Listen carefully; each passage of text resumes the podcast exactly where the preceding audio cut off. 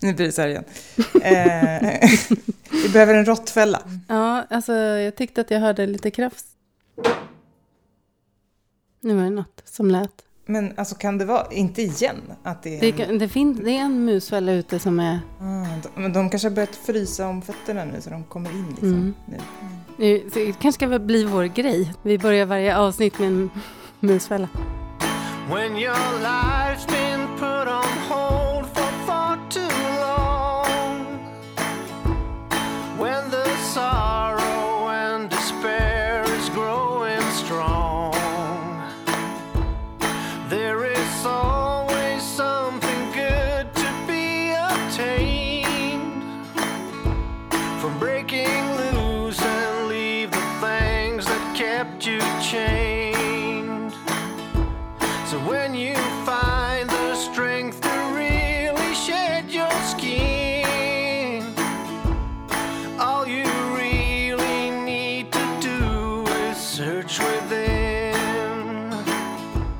Okej, eh, du har ju varit ute och frifräsat Mm. utan mig. Mm. Mm.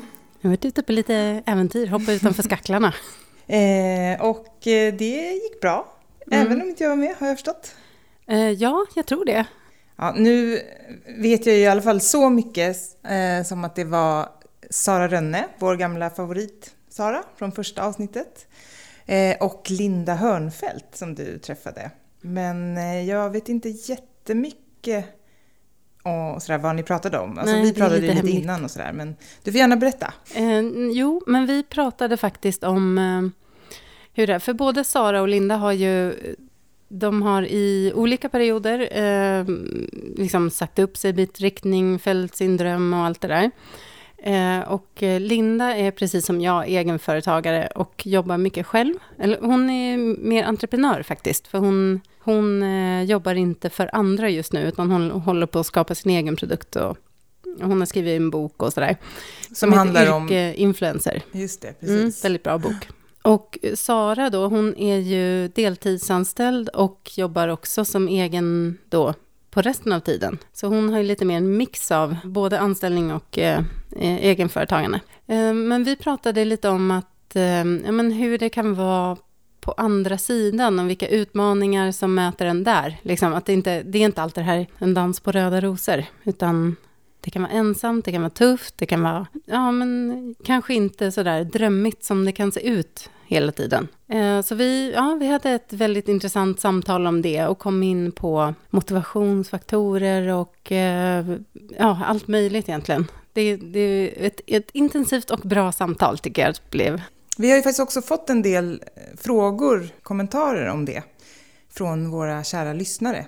Eh, Just om det här med dels att det faktiskt kanske inte är för alla. Det här med att liksom vara sin egen och ha det här drivet att vara entreprenör och liksom... Nej, Det- det- och det kan vara bra att flika in också att det här med att följa sin dröm, det är verkligen inte synonymt med att starta eget. Och vi kommer ju Nej. återkomma till det i ett senare avsnitt, eh, Mm. liksom andra sätt eh, än att bara vara egenföretagare. Så att ifall ni tycker Mm. att eh, ja, det är för mycket prat och tjat eh, om att man måste bli egen, så nej, absolut inte. Och eh, vi kommer ta upp det också. Ja, precis. Och det, menar, det kan ju faktiskt vara så att eh, ens dröm är att jobba, liksom, vara anställd på en bank och trivs jättebra med det. Liksom. Bara det att man kanske vill ha lite annan balans i livet. Alltså, det, det behöver inte vara så att man just vill ha bort liksom, jobbbiten ur sitt liv. Utan det kan ju, bara, det kan ju vara andra saker det handlar om också. Ja, verkligen. Eh, Men eh, då ska vi väl kanske ta och lyssna helt enkelt på Ja, vad ni det, det om. tycker jag att vi gör. Ehm, Ja. Här kommer ett samtal eh, inspelat i Lindas vardagsrum i Kvaved. Nej, jag kan inte säga. Jag, jag fick eh, banne, jag sa Kvaved, men det är Kvaved. Kvaved. Kva, vad sa du? Utan- Kvaved? Kvaved. Kva, Linda kommer att tycka att jag säger fel i alla fall. Men det ligger i alla fall utanför Örnsköldsvik, där, dit Linda har flyttat från Stockholm nu i somras. Varsågoda, hoppas att ni gillar eh, vårt snack.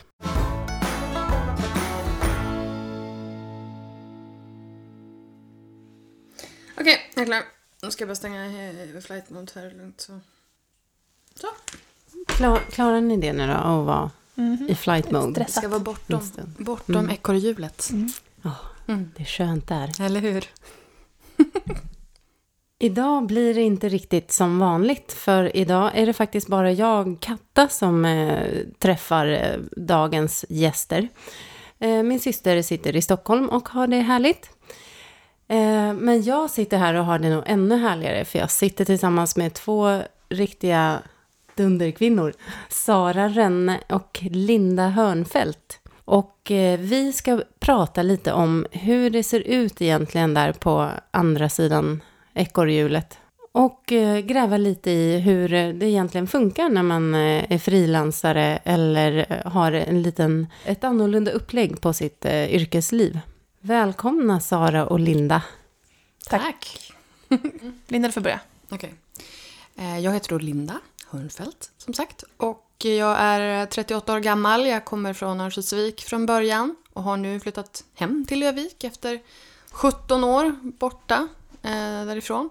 Jag eh, är singel med två pälsbarn och eh, ja, till yrket så... Jag, nu har jag, för, alltså jag försökt jobba på min pitch här. Jag är digital entreprenör, vilket innebär att jag hjälper influencers och egenföretagare att stärka sitt personliga varumärke i sociala medier. Var inte den bra? Va? Strålande. Eh, sen är jag också föreläsare och författare och eh, ja, sådana där, såna där saker. Och bloggare. Och, oh, gud, förlåt mig. Bloggare såklart. Influencer. Ja, och eh, Sara Rönne. Ja, jag heter, du? Jag heter Sara Rönne och eh, är glad att få vara med för andra gången i den här podden. Eh, Mm. Vi får väl se hur mycket som har hunnit hända sedan förra gången som jag var med. Jag bor fortfarande i Åre, har gjort det i eh, snart fem år. Jag eh, jobbar med digitalt innehåll, men främst eh, med syfte att sälja saker. Det kan vara till exempel eh, alltså sälja mitt eget namn, höll jag på att säga. Men alltså sälja, Sälja dig själv. Sälja mig själv. Eh, som influencer främst. Men också jobba med sälj på uppdrag av andra företag. Att till exempel sälja mer eh, produkter eller tjänster. Genom att eh, bygga varumärke, berätta en story och skapa en känsla främst. Eh, bloggar och eh, är väldigt mycket outdoor, så jag har som tagline på min blogg att jag eh, är frihet, äventyr och upplevelser. Så det är det som mitt liv går ut på. Din pitch var mycket bättre än min. Får jag göra om? Nej, nu är det Nej, kört. nu är det kört. Mm. Då går vi vidare. Och eh, idag så tänkte jag ju gräva lite i det här med, med frilanslivet och hur det kan se ut när man har tagit sig ur det klassiska ekorrhjulet, kanske med en anställning. Och eh, lite hur, hur är det på andra sidan egentligen? Spontant sådär, vad, vad skulle du säga Sara? Ja, alltså jag tycker, nu ska jag vara lite tråkig och jag ska kanske, jag vill inte, jag vill inte förstöra stämningen, men det är inte så jäkla enkelt som man alltid tror. Att vara frilansare eller att vara egenföretagare handlar väldigt mycket om att ständigt underhålla sina kontakter, ständigt sälja. Alltså, det är som när man pluggade, om, om man har gjort det. att det är så här, du vet, man blir aldrig färdig. Det finns alltid mer man kan göra. Man kan alltid tänka mer på nya kunder, på sina befintliga kunder, på projekt man ska hålla på med. Så att det är, det är superhärligt på många sätt, men det är inte så glammigt och glassigt som man kan tro. Och jag hörde, det var i, i en podd, jag vet inte vilken, men då var det någon som sa så här att "Ja, men jag vill kunna bestämma över min egen tid. Och då fick den personen som inspel så här att vänta nu, när du är frilansare eller egenföretagare och jobbar mot en kund så är din tid, den är ju absolut inte din egentligen för att du är väldigt beroende av kunden. När kunden vill ha möten, när kunden vill ha grejer liksom levererade och sådana saker. Så att eh, mm, det är kul men också utmanande. Mm. Gud, vilken Debbie Downer du är. Jag vet, jag kände det. Riktigt Men jag vill dissig. bara berätta, för att ofta så är det så här att åh, bli egenföretagare, man har så mycket frihet och absolut, Man det blir har ju man. inte heltidsledig för det. Nej, Nej. och det är det jag tror att många tror ibland. Ja, alltså, jag kan ju hålla med på många av de där punkterna, men inte riktigt kring det här med egen tid. För att absolut, du, har ju, du kommer ju fortfarande ha deadlines, du kommer fortfarande ha saker du måste leverera, precis som liksom, vilket jobb som helst. Men du gör det ju också, du gör det ju ändå på dina egna villkor. Jag menar visst, kunden kan liksom säga att jag vill ha möte då och då, men du kan ju också bestämma att ja, fast vet du, då kan inte jag, vi får ta det en annan gång. Eh, och jag menar, det där har ju varit en, en avgörande grej för, för mig. Jag som har liksom en liten parentes, har historia av eh, utmattning och depression och sådana saker, så har det här varit en, en vital del av att överhuvudtaget kunna fortsätta jobba. Att kunna ha min, min, e- liksom styra över min egen tid och eh, bestämma när på dygnet eh, jag är mest effektiv och kan jobba som bäst. För att jag är fruktansvärt dålig på morgnar. Eh, men jag är jättebra på kvällar. Och det är dåligt med mötestid på kvällar. Ja, och det jag kan hålla med om där, det är till exempel att vi, för vi har ju alla bott i Stockholm och nu är det ingen av oss som bor i Stockholm längre. Men det som är det absolut skönaste tycker jag ur så här Stockholmstänk med att vara egen, det är att man inte behöver vara i rusningstrafiken när alla andra är det. De här liksom små grejerna, men som på något sätt påverkar ganska mycket i dagen. Att trängas på tunnelbanan, eh, sitta i köer, alltså de där bitarna, de styr, man, ju- eller styr jag över på ett, mycket, alltså på ett bättre sätt. Men jag kan ju Man fortfarande... kan träna mitt på dagen, Ja. man kan liksom, ja. Mm. Exakt. Men jag kan ju inte bara liksom gå ut i skogen en tisdag och känna så här att åh, det här är min tid. För att nå- någon kanske ringer, det eh, liksom blir möten. Eh, och man, eller jag uppfattar att jag måste vara ganska nåbar ändå. Så att jag kan ju själv bli stressad över att åh, nu är jag i skogen, det är tisdag, härligt, men jag borde göra de här sakerna. Mejla någon, ringa någon, göra klart Men jag något. tycker ändå att när jag umgås med dig, alltså Sara, och, men, men, fram, men också liksom som jag uppfattar att ni båda lite grann lever, att när man, speciellt nu när det är så himla mörkt hela tiden, så kan man liksom styra om sin tid lite grann så att man kan vara utomhus och ta den där promenaden lite längre eller man kan liksom göra saker när det är ljust ute och så sen kan man sitta och jobba.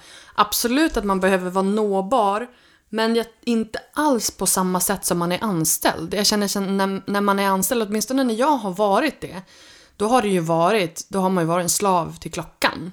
Och nu har det ju ingenting att göra med klockan, nu har det ju bara att göra med vad jag faktiskt producerar. Men sen vilken Absolut. tid på dygnet som jag gör det, det spelar inte så himla stor roll. Sen så måste man såklart liksom få in möten och sådana saker. Men jag, jag har totalt avsagt mig sådana där grejer som ska vara så här, "Ja, fast du måste liksom göra det här nu, nu, nu. Och jag bara, nej fast då får du hitta någon annan som gör det. För att jag är inte, det, det är liksom, mitt välmående är för viktigt för mig för att jag ska låta andra styra, micromanage min tid på det sättet.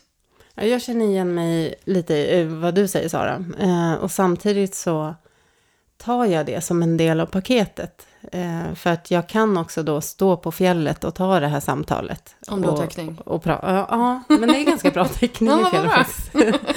på, på många ställen.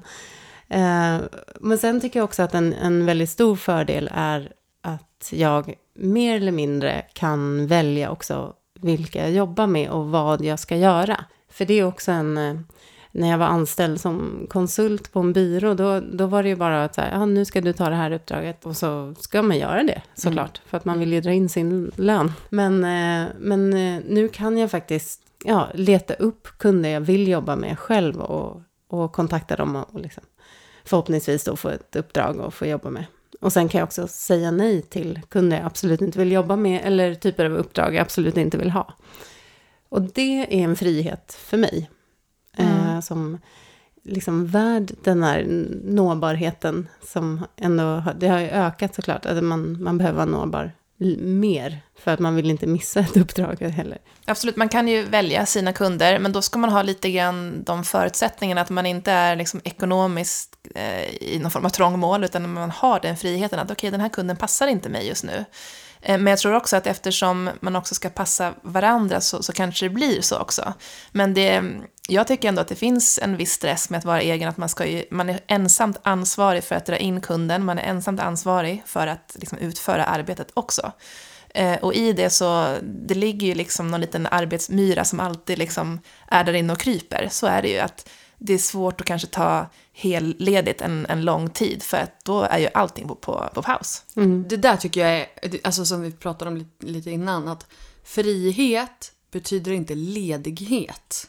Det Exakt. tror jag är väldigt viktigt att förstå att bara för att man upplever väldigt mycket frihet i sitt arbetsliv så betyder inte det att man är ledig. Utan det betyder ju snarare att man jobbar ju mentalt mer eller mindre hela tiden. Jag, jag, det är väldigt, väldigt sällan som jag liksom stänger av mitt jobb helt och hållet. Eh, men det har ju också att göra med att man liksom eh, ja, men jobbar med sociala medier, man jobbar med att producera innehåll. Så vad man än gör så, eh, så tänker man ju hur, hur hur det kan liksom vara intressant eller vinklas för, för ens publik.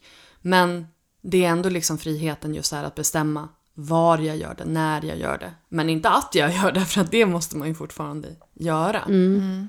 Och det var väldigt fantastiskt när vi var, vi var ju uppe och em, gick en stig här i Övik igår.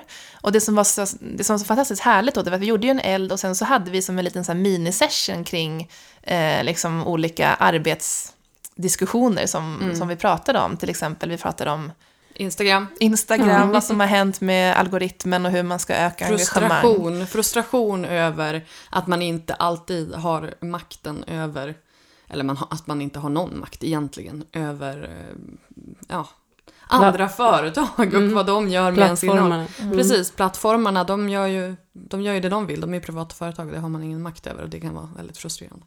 Vi pratar ju också affärsutveckling och Mm. eh, hur vi vill utveckla våra företag. Och, Brand management, Mm. precis. Mm. ja, det var, det var väldigt härligt. Det, det var en tydlig perk med frilanslivet. Verkligen. säga. Precis, och kunna göra det över en, över en eld. När det har blivit kolsvart klockan halv fyra på eftermiddagen. Men hur känner ni? Nu Sara, du har ju ett, eh, vad ska man säga, ett mixat upplägg. Där Mm. du, du är deltidsanställd och sen har du också, Precis. är du Ja. också egen. Ja, så jag är anställd av ett företag på 80% och sen så driver jag min egen digitala plattform på eh, ett oklart antal procent, men det är ganska mycket tid. Eh, och sen så gör jag också lite eh, konsultuppdrag åt andra företag som har varierat i omfattning, men kanske 20-25% något sånt där. Mm. Så jag jobbar ju mer än 100%, det, så är det ju. Eh, och har gjort det väldigt många år, eh, men eftersom jag har valt, liksom, eller jag har designat mitt liv på ett sätt som ger mig både återhämtning och så ger, ger mig ett bra sammanhang så funkar det väldigt bra att göra så tycker Mm. För jag tycker, man hör ju många säga så här att Ja, men eh, nej, nu har jag blivit min egen och jag kommer aldrig kunna gå tillbaka till att vara anställd igen och sådär. Men du har ju hoppat lite fram och tillbaks i, eh, mellan de rollerna och, och också blandat dem då, som du gör nu. Eh, vad, vad tycker du, liksom, eh, om du skulle jämföra och sådär, vilket upplägg eh, tycker du är, är bäst? Och har det varit svårt att gå tillbaks till anställning efter att ha varit egen? Nej, jag har ju varit lite allting. Jag har också varit egen på 100%. Det jag tycker är skönt, för att jag jobbar ju mycket med mig själv som varumärke och att jag liksom säljer det jag själv gör. Och jag tror att om jag hade jobbat med mig själv och min influencerroll till 100% hade jag blivit extremt trött på mig själv. Så att jag tycker att det är skönt att vara anställd och få ett annat varumärke att liksom utveckla och även eh, liksom för, förknippas med också. Att, att kunna jobba med det och med andra kollegor också kring det. Så att jag ser den anställningen som ett sätt att hitta inspiration till min, till min influencerroll egentligen. Så jag tycker att kombon är väldigt bra. Sen kanske inte 80% är allra bäst, utan det är nog max 80 skulle jag säga.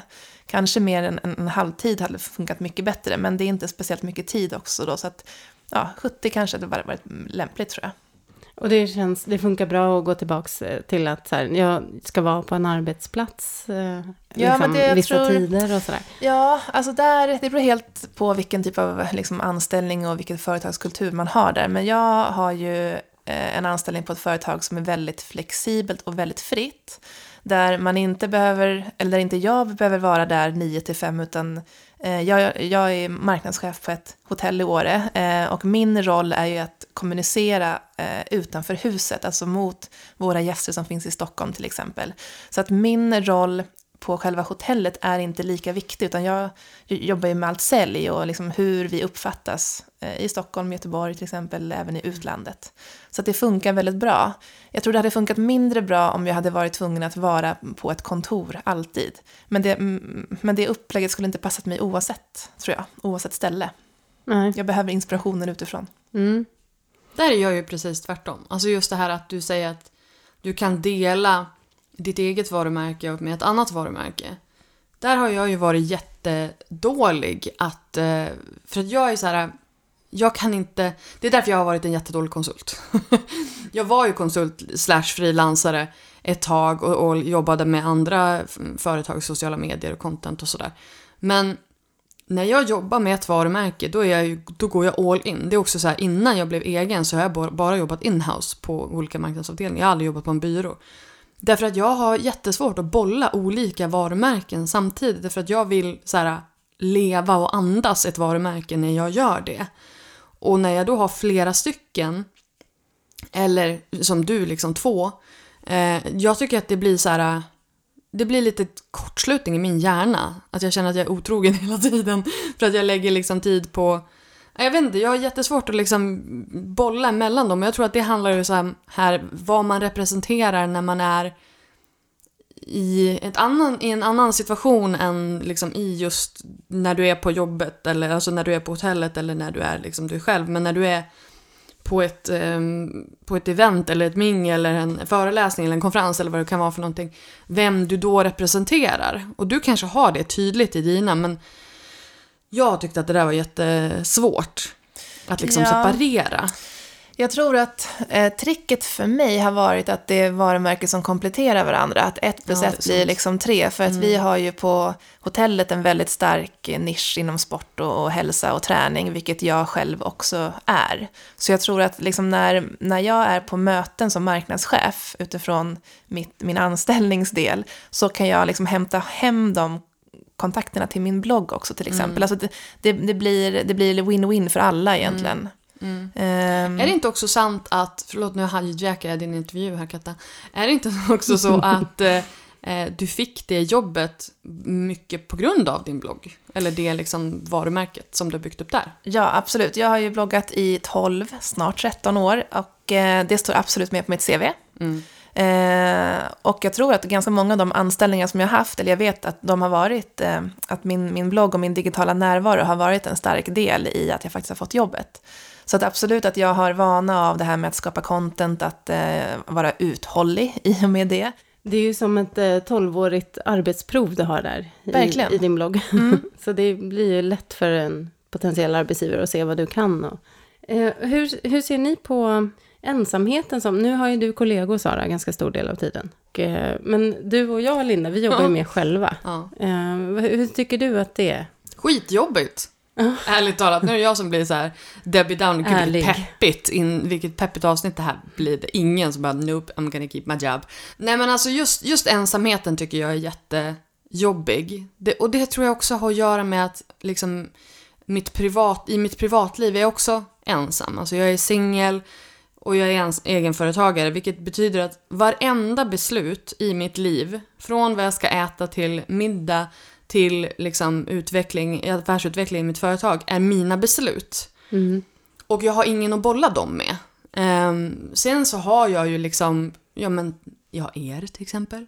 Jag har ju eh, kollegor, eller vad man ska säga, i branschen. Eh, jag har min mastermind, jag har liksom folk som jag pratar med om, om mitt jobb och sådär. Men jag har ju ingen som är lika insyltad i det som jag är. Och det är jag som måste ta alla slutgiltiga beslut i slutändan. Så det tycker jag är faktiskt ganska jobbigt. Jag är ganska beslutstrött, kan jag känna många gånger. Eh, sen, är jag ju också, sen inser jag ju också att när jag faktiskt då eh, rör mig i situationer där man är flera stycken som ska ta beslut så är jag ju fortfarande den som vill bestämma. Så att jag menar, det, Det är ändå skönt att vara jag, tror, jag vet inte om det hade varit något annorlunda. Men nu har jag ju faktiskt eh, så smått testat att utöka mitt team med en person. Så nu är vi två. Eh, i, som liksom ska jobba med, med mitt företag. Och alltså det går så mycket fortare. Det går, Allting går så mycket fortare när man har två stycken som tänker och eh, bollar och eh, kommer med idéer. För att när man, när man är själv så känns det som att man, men man lätt liksom fastnar i, i ekorrhjulet, i sitt eget huvud och det bara går runt, runt, runt, runt och man kommer liksom inte vidare för att man, man står liksom bara och dunkar huvudet mot väggen. Bollen bara kommer tillbaka hela tiden. Den tar liksom ingen omväg. Och eh, om jag ska försöka sluta prata bildligt så, eh, nej men jag tycker att det är svårt att just det här att komma vidare eh, i nya idéer eller i när man ska tänka strategier eller man ska tänka, alltså brainstorma. Det är svårt att brainstorma med sig själv. Ehm, Så det tycker jag är en utmaning. Sen kan jag känna att just det här att hänga med folk. Jag har ett coworking space här i stan där jag hänger ibland. Ehm, Jag, har, jag hänger med eh, ja, frilansbloggkollegor på, på Skype vissa arbetsdagar och sådär. Så den biten tycker jag att den kan jag fylla upp. Men det är just det här beslutstagandet som jag tycker är jobbigt. Att allting ligger på mig. Jag har insett att det här med att fylla på med energi eller inspiration, att det är jätteviktigt att verkligen är något som jag måste prioritera. För att om jag alltså visst jag har ju kollegor i min anställning, men de tillför inte så mycket till, till mig själv, eller på säga, till, till min influencerroll. Eh, snarare tvärtom, att när det är väldigt mycket eller väldigt stressigt på det jobbet så, så tappar jag lite en, energi i, i mitt egna företag. Men däremot så måste jag ju lägga in inspiration, alltså jag måste inse så här, okej, vad är det jag får motivation från att, att liksom göra det jag ska göra, och då är det främst sälj och verkligen eh, liksom ta actions på det. Så att till exempel de här inf- eller workation-träffarna som jag har haft med dig, Katta, de har varit jätteviktiga för mig att faktiskt få det här drivet och komma på säljidéer. För det är främst det som är min utmaning, tror jag. Inte så mycket att fatta beslut eller brainstorma, utan verkligen så här, hitta nya, ja, men nya sätt att sälja på och nya idéer som faktiskt kan vara win för mina kunder också. Mm. Ja, men att lägga den där tiden, för det, det kan vara svårt när, man, när det bara rullar på.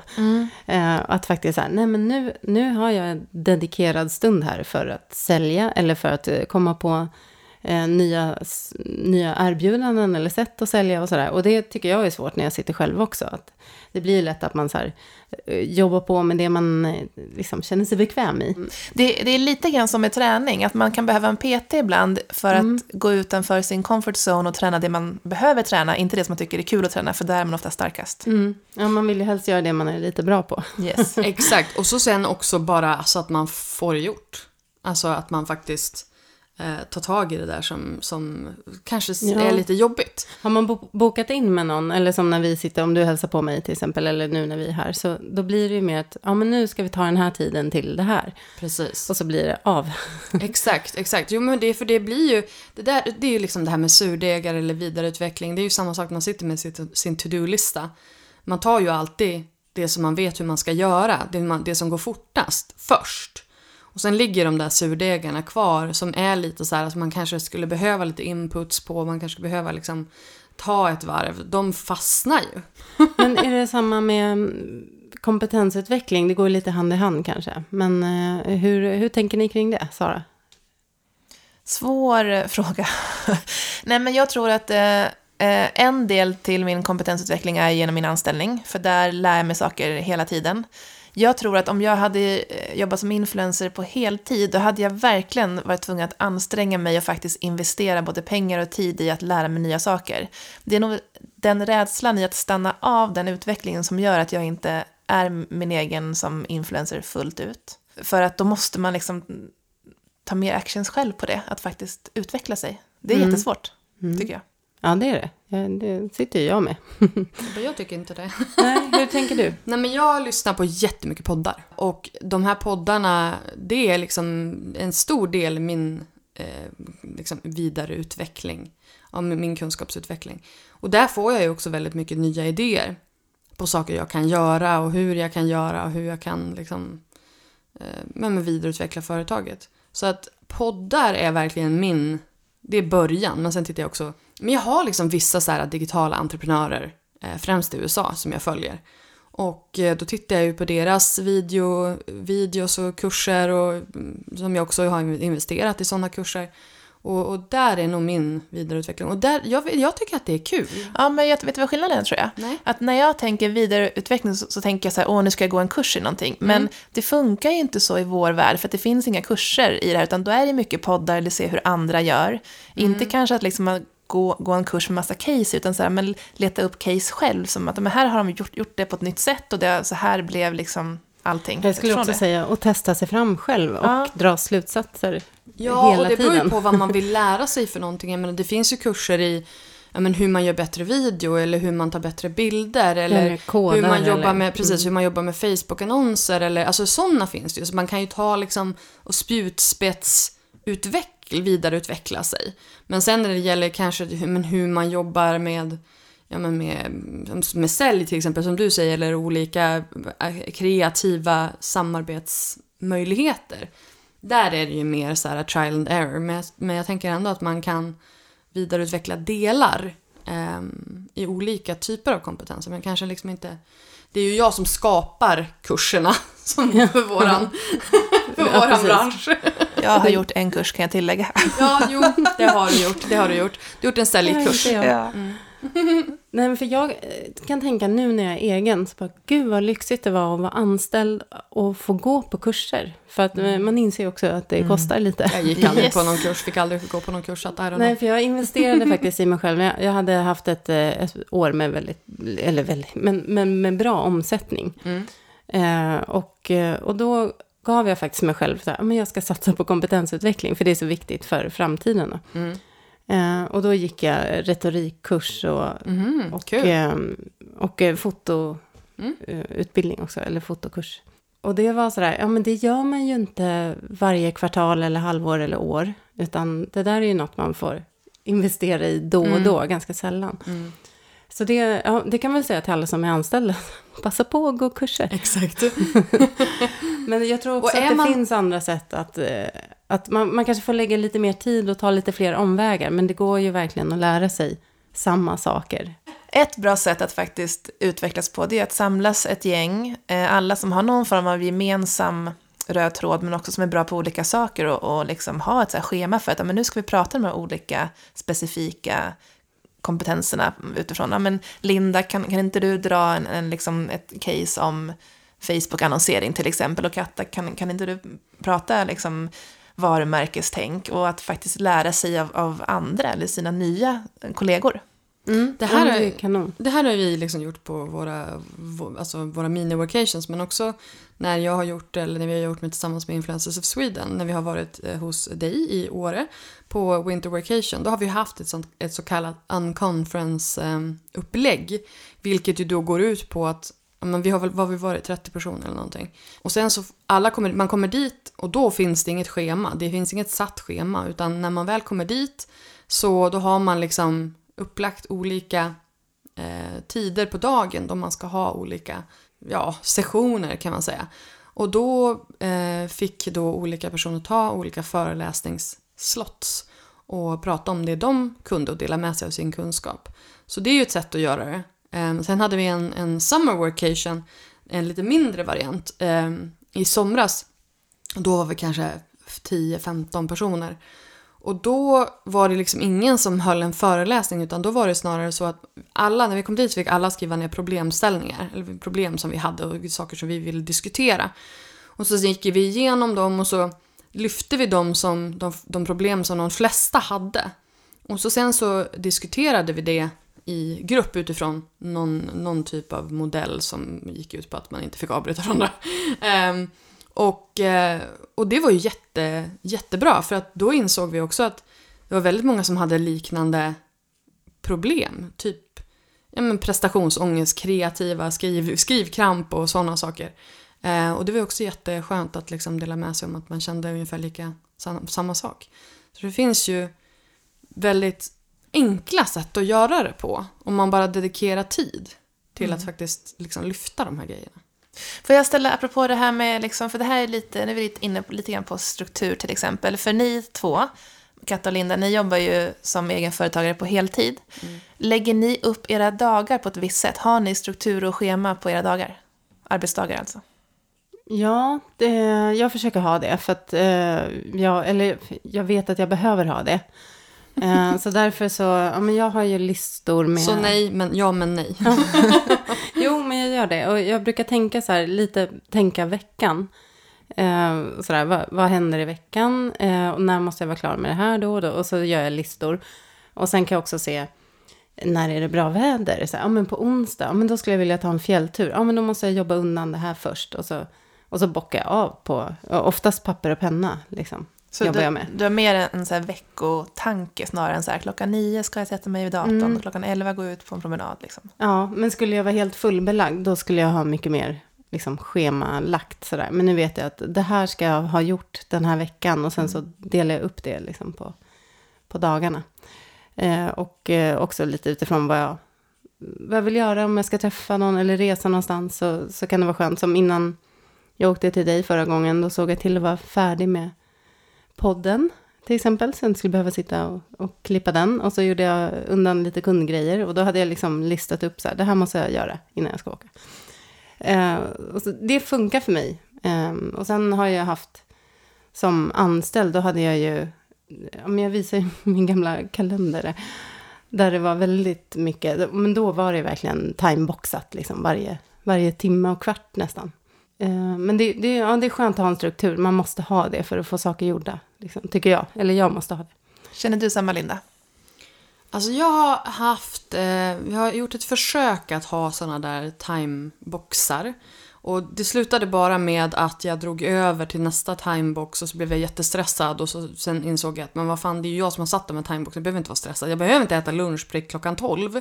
Jag kan liksom äta lunch klockan 1. Så att jag gick ifrån det lite grann för att det funkade inte helt enkelt. Ehm, men jag har gjort typ en sån här grej att jag har mötesdagar. Och då tar jag har jag en mötesdag då jag åker in till stan, ja men då tar jag, försöker jag slå ihop alla möten på en dag. Så att jag inte behöver åka in på ett möte en dag, för det går så mycket tid liksom. Um, så att jag har mötesdagar och då försöker jag också ta telefonmöten samma dagar. Så att, och så sen har jag produktionsdagar. Och de här, de här produktionsdagarna, då, för nu har jag börjat göra så att jag har en to-do-lista för hela månaden. Eh, alternativt veckan beroende på vad det är som behöver göras. Men nu i och med att jag jobbar i stort sett helt och hållet för mig själv så kan jag liksom dela upp det så. Um, och då har jag eh, en, en, en så här, vad ska man säga, master to do. Och så sen så kör jag på det här tre om dagen ehm, liksom modellen. Vilket betyder att varje dag innan man liksom slutar jobba så då väljer man ut de tre viktigaste sakerna som jag måste göra imorgon. Och så skriver jag upp dem. Och så sen så när jag har checkat av de tre då kan jag gå tillbaka till den här master to do och plocka in fler. Så att jag inte sitter och tittar på den här långa to do-listan. Och så plockar jag grejer som, ja men det här var lättare. Eller, för jag vill inte göra den där som jag skrev upp. Men har jag bara tre, då är det de tre som ska göras liksom. Och då försöker jag vara ehm, alltså aktsam med vad jag faktiskt lägger på den här dagliga to-do-listan. Men sen skriver jag ju också ner Ja men typ så här, diska. det kan jag skriva ner därför att då kan jag också så här känna, om jag känner att jag så här kör in i en vägg eh, och bara, nej nu, nu har hjärnan slutat funka, nu måste jag ta en paus. Då tittar jag på listan och så har jag mina privata liksom to-dos och då är det bara, ah diska, bra då kan jag göra det och så kan jag göra, ta en paus och så går jag och gör någonting i huset. Eh, plocka in ved eller vad det nu kan vara för någonting. tvätten gjord alltså.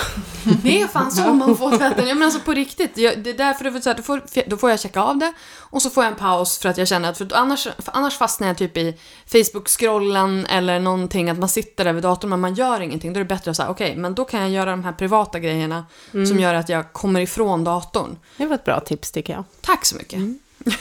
Hur gör du Sara? Ja, jag... Du har din Eh, kalender. ja, precis. Ja, men eftersom jag jobbar så mycket med digitala saker så har jag först och främst en fysisk kalender, en analog kalender. Jag tycker mycket om att skriva för hand för då fastnar det i mitt huvud. När jag skriver upp saker eh, liksom, med tangentbordet då går det bara rakt ut så jag minns inte vad jag skriver. Så det är väl det första. Sen så har jag en veckolista också. Ehm, och jag eh, tycker om att dela med mig av den till andra för det sätter lite press på mig själv. Om jag bara skulle haft den och jag själv hade vetat om den, det är lätt att fuska. Så det är skönt att liksom Vilka har rapportera. äran att vara med på den här? Ja, men jag har en liten mastermind-grupp då som jag delar med, med mig av. Ehm, och det, det spelar ingen roll vad jag får, får för input på den. Det är mest att jag har liksom sagt så här, jag ska göra de här grejerna. Då måste jag göra dem sen. Mm. Jag har ju också en, inte en kalender, men jag kör ju bullet journal. Ja. Eh, vilket då är eh, där jag kör liksom månads och, och per dag. Eh, men sen har jag en digital kalender för att det, en fysisk kalender skulle aldrig funka. Jag har, nej. det är för mycket som flyttar på sig, det skulle bli så kladdigt. Men jag har också en eh, analog eh, så här, idébok där jag skriver upp så här, det kan vara alla möjliga idéer på företag jag vill samarbeta med eller nya så här, liksom förslag på Men samarbeten. alltså, hur många sådana här fysiska böcker har du som du släpar med dig då? Ja, jag har fyra. Tre eller fyra. Som du, som du tar med dig då? Ja, jag känner, alltså om jag inte har med mig dem då känner jag mig naken och exposed. Så fyra stycken! Jag förstår varför du har en så stor väska, alltså, stor, jättestora ryggsäcken. Jag har, konkar också runt på Ja, men jag tre. tycker det är mysigt Tre stycken? Men vad, vad, vad, vad, va? Vad är det för böcker? Men, ja, men också en idébok, skrivbok. Ja, precis. Ja, men jag, och min alltså, analoga kalender. kalender, den, den är ganska liten. Liksom. Det är som en eh, A5 typ. Sen har jag min lilla idébok och sen så har jag som en liten träningsbok där jag skriver upp lite så här, träningsgrejer. Så här, och sen så min fjärde är bara plain.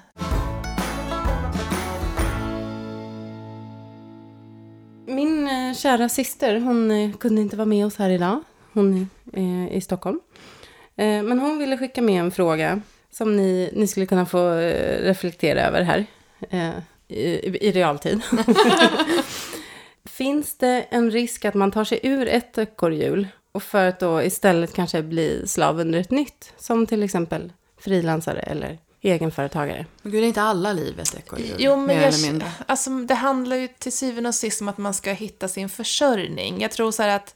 Eh, men, så Ja, men, men vi kan istället kalla det för aktiva och passiva inkomster. För att så här, man behöver pengar för att leva, så är det liksom.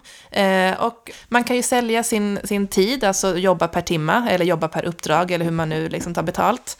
Eh, och då handlar det om, om en aktiv inkomst. Men man ska nog också tänka lite grann på passiva inkomster om det är så att man vill jobba mindre. Alltså att hitta saker som tjänar pengar åt en, som att investera i ett hus som man hyr ut. Det är ju allra enklaste. Och liksom.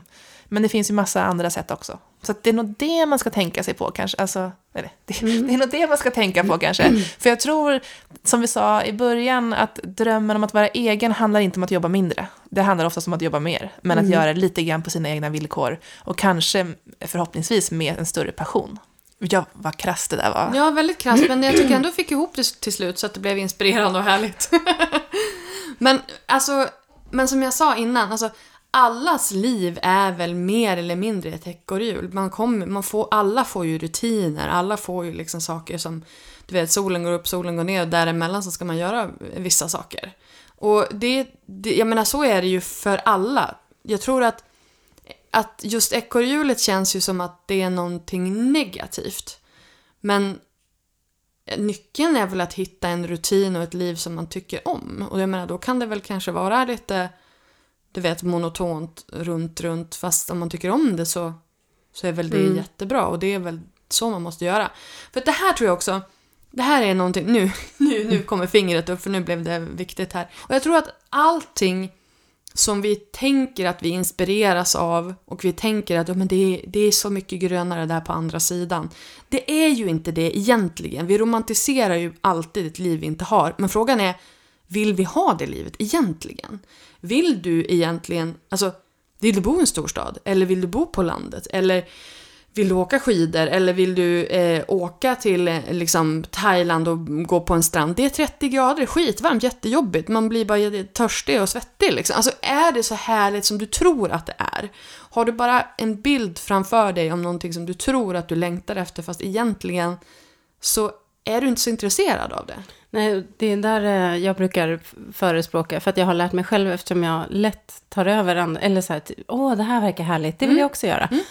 Eh, men att, att i det här liksom förberedelsefasen då, faktiskt prata med folk som har gjort det du tror, eller känner att du vill göra, och få liksom, få fler nyanser av Och det folk som är ungefär lika krassa som Sara.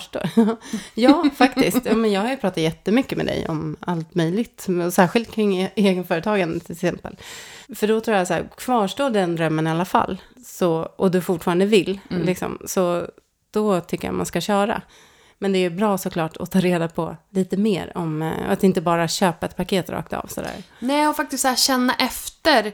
Så här, inte bara från början. För jag menar, när någon säger så här, ja men gud, det, det vore ju jätteskönt att bo halva året i Thailand. Då är det så här bara, ja, men sen så är det sandloppor och så får man inte sin liksom, choklad som man vill ha och så är det... Alltså du vet, det, det finns ju alltid, det finns ju liksom framsidor och baksidor på, på allt. Men, och det här tror jag, det här var ju någonting som jag verkligen gick igenom när jag skulle flytta hem, hit. Och också flytta ut på landet, inte bara hem till, hem till Övik, det som jag lämnade för 17 år sedan, utan ut på landet där det är kolsvart och inte finns någon folk. Och det hade jag ju såklart romantiserat. Och jag var ju lite rädd för att när jag väl skulle komma hit så skulle jag ju få lappsjuka och bli jätteensam. Men det här kan jag ju faktiskt eh, säga att eh, så blev det inte. Jag är, det, det, är, det är inte så liksom det här, det är inte idylliskt hela tiden, men det är ju ingenting. Men jag är nöjd i alla fall. Mm. Jag tycker att mycket handlar om eh, att, att ha gjort valet själv. Och sen Mm. det, det liksom nya ekorrhjulet. Då är det ändå så här, det är ihopsatt av mig. Jag har valt det här. Och det gör att det förmodligen då passar mig lite bättre. Mm. Eh, men också att det är också, jag har makten att ändra på det också. Om, eller de saker jag vill ändra på. Exakt. Men det är en, en väldigt skön känsla. För att som mitt nya ekorrhjul nu, det är så här, ja, jag måste hämta tre säckar ved i veckan. Det är ganska jobbigt ibland. eh, och jag måste skotta snö hela vintern på gården. Och, Mm. Ja, men eh, det är smått och gott sådär. Men, men jag tycker ju om de ingredienserna ändå. Jag föredrar det verkligen framför att sitta i bilkö på Essingeleden eller åka Ja. tunnelbana i Stockholms innerstad. Exakt. Men jag kan tänka att, alltså, det för att ni har gjort väldigt stora steg. Ni har ju flyttat från Stockholms innerstad ut till ja, Särna och till Örnsköldsvik. Det är så här... Ja, inte ens Örnsköldsvik, vi är i Kvaved. Ja, Som Kvaved. ligger en och en halv... Åh, ved. Nej, Kvaved. som ligger en och en halv mil utanför Örnsköldsvik. Ja, med precis. en liten by med, vad kan det bo här, 20 pers? Mm. Och jag tänker så här, för många så är det som ett långt, långt steg. Och jag, om jag tänker så här att, okej, om, om jag skulle känna att jag typ var inlåst på en arbetsplats, att jag kände mig instängd, så jag behöver ju liksom inte flytta ut till där jag är född till exempel för att få en annan känsla, utan det kan vara så här att ja, men byta jobb i stan till exempel. För jag tänker att det finns jättemånga företag som är, som som har, som har mer frihet inbyggd i sin företagskultur, att man kan jobba hemifrån en dag i veckan. Och det kanske räcker för väldigt många, att man får den här endags-spacet och friheten att kunna liksom, ja, men, sitta och jobba på ett café till exempel, eller inte åka tunnelbana till jobbet. Det, De små, små justeringarna av det som är li- som jobbigast, de kan göra sån enorm skillnad faktiskt. Och du har, du har inte flyttat på det, du har inte gjort något drastiskt, liksom, men bara känslan är så mycket bättre. ja. Ja, precis. Eller liksom det här jobba 80 procent. Och jag menar, bara en sån grej kan göra att du kan börja klockan 10 och sluta klockan 4 och Ja. då slipper du rusningstrafiken. Precis, Alltså men bara en, en- sån grej. Liksom. En, lit, en liten så här, grej på den bara, att jobba inte 80%, eller så här, få inte betalt för 80 men jobba 100, var noga med det. Ja, det är en, en gud, eh, ja. fälla. Jag går inte ner Så. i tid och ändå har samma Nej. arbetsuppgifter. Så jobba 80, få betalt för 80 i alla fall. Mm, mm. Men det, det jag menar, eller liksom ha en flextid eller jag vet inte, någonting som gör bara att man kan liksom slippa de här grejerna som man tycker är jobbigast i sitt liv. Precis.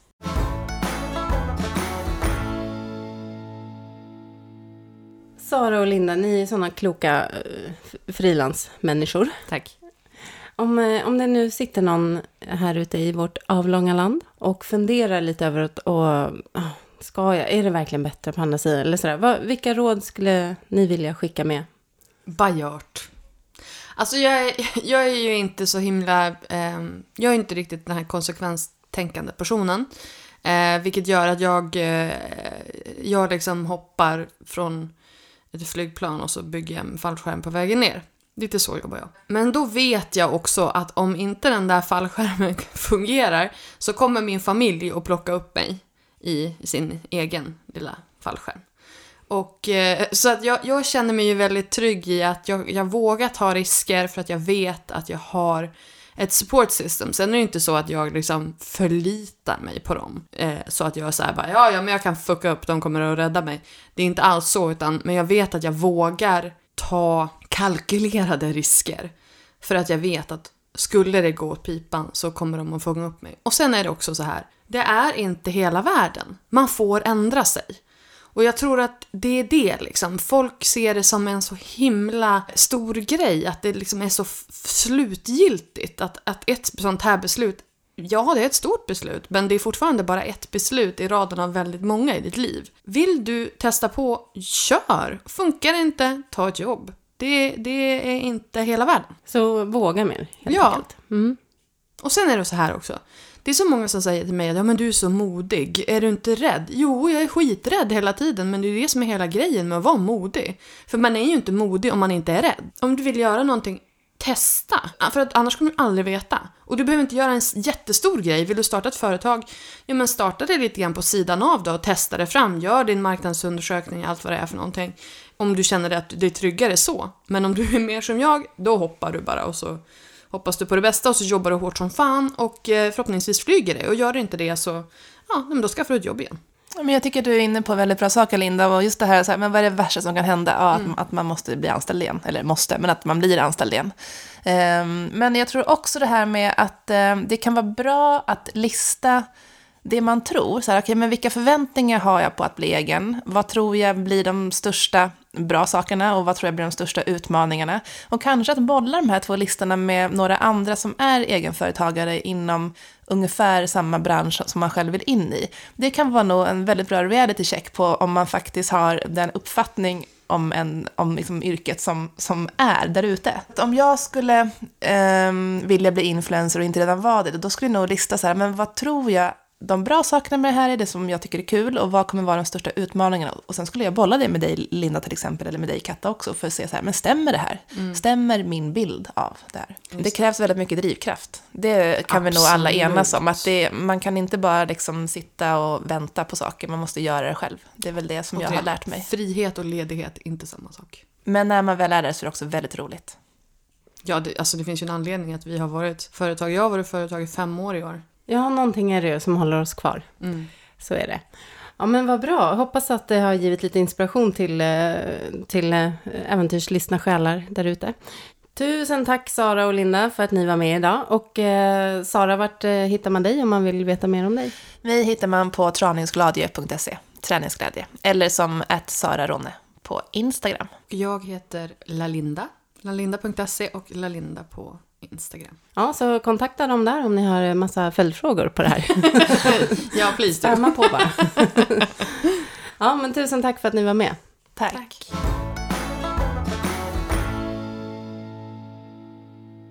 Alltså, vilka tjejer de är, Linda och Sara. Ja, nästa gång vill jag också vara med. Vi måste skaffa fler eh, mickar helt enkelt. Men det var jättekul eh, och eh, roligt att Sara ville gästa oss igen också. Ja, hon är ju vår eh, premiärgäst som sagt och hon kommer säkert komma tillbaka fler gånger i den här Ja. podden. Hon har så mycket Ja. att säga.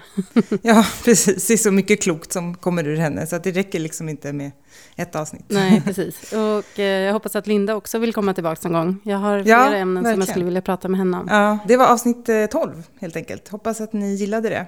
Vi har ju vår lilla Facebookgrupp också. Eller ja, lilla vår och lilla. lilla Den, mysiga Facebookgrupp. den växer ju ändå. Mm. Sakta men säkert. Eh, och eh, den vill vi ju pusha lite för. Eh, ni får jättegärna, om ni inte redan är med, så får ni jättegärna gå med där. Ni får också hemskt gärna rekommendera andra som ni tror skulle gilla den. Eh, och gå med och sen får ni också, ni behöver liksom inte vara blyga utan eh, ni får väldigt gärna dra igång liksom egna diskussioner och trådar där. Ja, precis. en Och bara slänga ut frågor. Och, um, jag skrev det häromdagen i gruppen att det här med att uttala vad man vill och vad man drömmer om, det är ganska kraftfullt. Dels så låter man andra veta att, att det är något man vill och då kan det ju börja komma in, liksom, när man slänger ut krokar så brukar man få napp någonstans. Och sen är det också bra för sig själv att, att faktiskt sätta ord på det och kasta ut det i världen. För att eh, ja, men det, det händer något då. Och Ja. den här gruppen är ju ett perfekt ställe att göra det, tycker jag. Absolut, och så kan man också få liksom, tips och råd och pepp och ja, all möjlig respons från Ja. andra. Inte bara från oss, utan från andra också som är kanske på något sätt lite inne i de här Ja, tankarna. men det kanske till och med finns någon i gruppen som är liksom nyckeln till lösningen. Eller till Nyckeln till frihet. nyckeln till frihet. ja. Ja. Jo. Ja, så det vill vi ju verkligen uppmuntra till och det är jättekul eh, när, Ja. när ni hör av er och kommenterar och så här. Det är väldigt, Och ni väldigt får roligt. jätte, jättegärna tipsa andra om podden också, såklart. Ehm, Det blir vi så himla glada för. Eh, och ni får ju också hemskt gärna komma med förslag både på eh, liksom, teman att ta upp i podden och eh, om ni har några förslag på intressanta gäster som ni tycker att vi borde träffa. Så får ni hemskt gärna. Kasta hit Eh. dem bara. Då får vi tacka för den här gången då. Men Ja. först måste vi tacka Sven Sven. Karlsson och Epidemic Sound. Vi är evigt tacksamma. Då, eh, då avslutar vi för den här gången och eh, hoppas att ni har det jättebra där ute i höstmörkret. Så hörs vi igen om snart. två veckor. Ja, precis. Ge inte upp. Nej, men det är ju faktiskt bara några veckor kvar tills, eh, tills det vänder Ja, mot ljusare och snart tider. är det ju jul och adventsljus och stjärnor. Ja, och mys. hit och dit. Så Jag tycker det har gått lite för fort nästan. För jag, ja, jag, jag njuter ändå av den här tiden när man får ha brasa och tända ljus och, ja, och mörkt jo, ute. men det, liksom. Och ja, soluppgången är, inte så Det är kravlöst tidigt, och Så man härligt. kan faktiskt gå upp och se den utan att dö.